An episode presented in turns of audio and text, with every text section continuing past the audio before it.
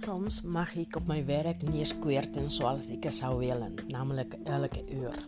Ik had een gesprek, een hele lange gesprek, en het werd voor mij eigenlijk te lang. Ik, uh, ik had het gevoel van nu moet het stoppen, anders squirt ik hier alles. En als ik uh, dat gevoel heb, dat ik moest gaan squirten, verlies ik al mijn controle. Dus heb ik aan mijn baas aangegeven van ik kan dit gesprek niet voortzetten. Ik moet zo even naar huis. Hij weet wat ik bedoel. En ik woon dicht bij huis. Mijn werk is gelukkig dicht bij huis, dus ik mocht even gaan. Dus heb ik even mijn auto gepakt, ben ik even snel naar huis gereden. En bij het binnenkomst heb ik gewoon mijn, mijn lievelingen speelgoed gepakt, zo'n kromme banaan.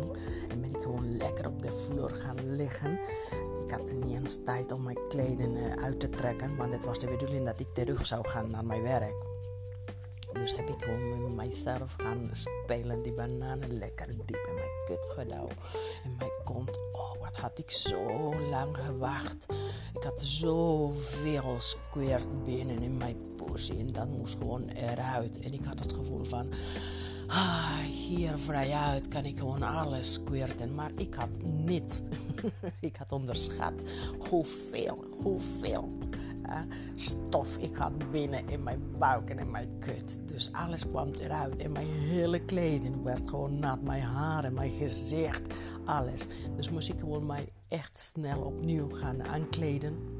Opnieuw gaan opmaken en weer terug gaan naar mijn werk. En toen ik bij mijn werk uh, kwam, uh, zag mijn baas aan me dat ik gewoon uh, helemaal opnieuw had gedoucht en dan gekleed en opgemaakt. En hij vroeg waarom. ik zei nee, eh, zomaar. Dus ik wist niet wat ik moest zeggen.